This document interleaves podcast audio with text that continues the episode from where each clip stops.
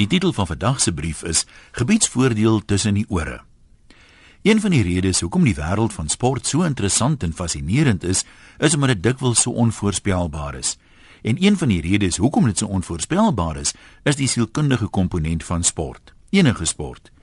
Gary Player het die bynaam The Black Knight gekry omdat hy gewoonlik swart gedra het, die tyd toe hy dikwels op die laaste dag van 'n toernooi 'n hele paar houe op die voorloper ingehaal het om uiteindelik te wen. Hy was sielkundig so sterk dat die voorlopers gevou het as Gary net 2 of 3 houe agter hulle was. Die All Blacks verloor nie sommer 'n toets in Nieu-Seeland nie. Om die waarheid te sê, het die Bokke meer as 100 jaar gevat om vir die eerste keer in die House of Pain te wen.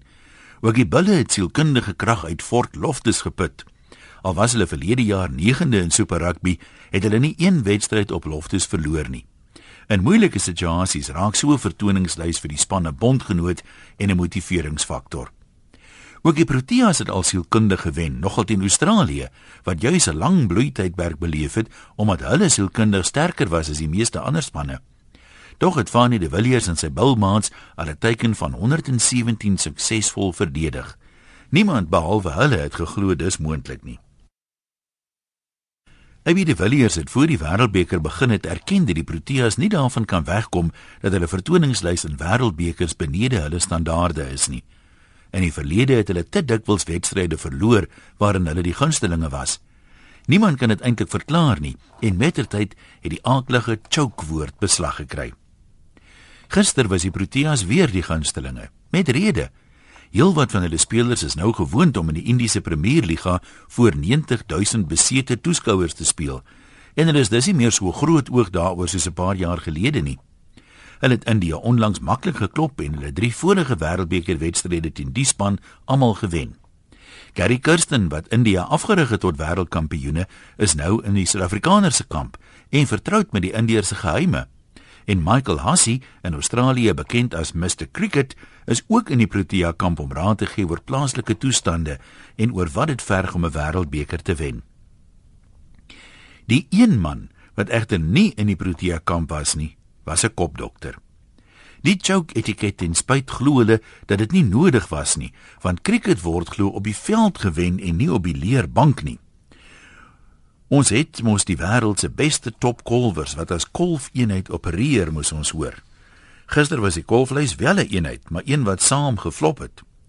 Twee kolwers is wel briljant uitgehardloop, maar die meeste ander paaltjies is eerder weggegee met onoordeelkundige halfhartige houe as wat dit geneem is met goeie bilwerk.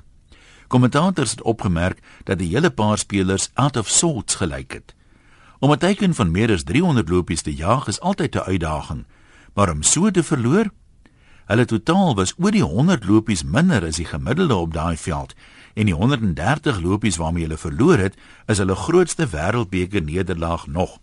En dan sê AB de Villiers hy reken 'n teiken van 280 lopies sou haalbaar gewees het. Maar dis steeds 103 meer as wat hulle toe gekry het. Sou 'n sportsielkundige 'n verskil gemaak het? Ek weet nie. Dalk met die mense stormers vra Verlede jaar het hulle hulle eerste twee wedstryde in die Super Rugby reeks verloor.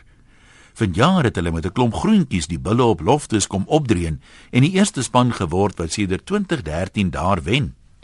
Saterdag het dieselfde klomp groentjies die Blues met 8 All Blacks in hulle geleedere geklop en hulle het nie eens goed gespeel nie. Kan dit wees dat Dr Henning Gericke se werk met die span iets daarmee te doen het? Ek vra maar net. Vrydag kry die Proteas nou kans om teen die Windies te vergoed. Maar ongelukkig is die Windies nou vol selfvertroue. Ek hoop net nie dit gee hulle 'n sielkundige voorsprong nie. Groete van oor tot oor. Anoniem.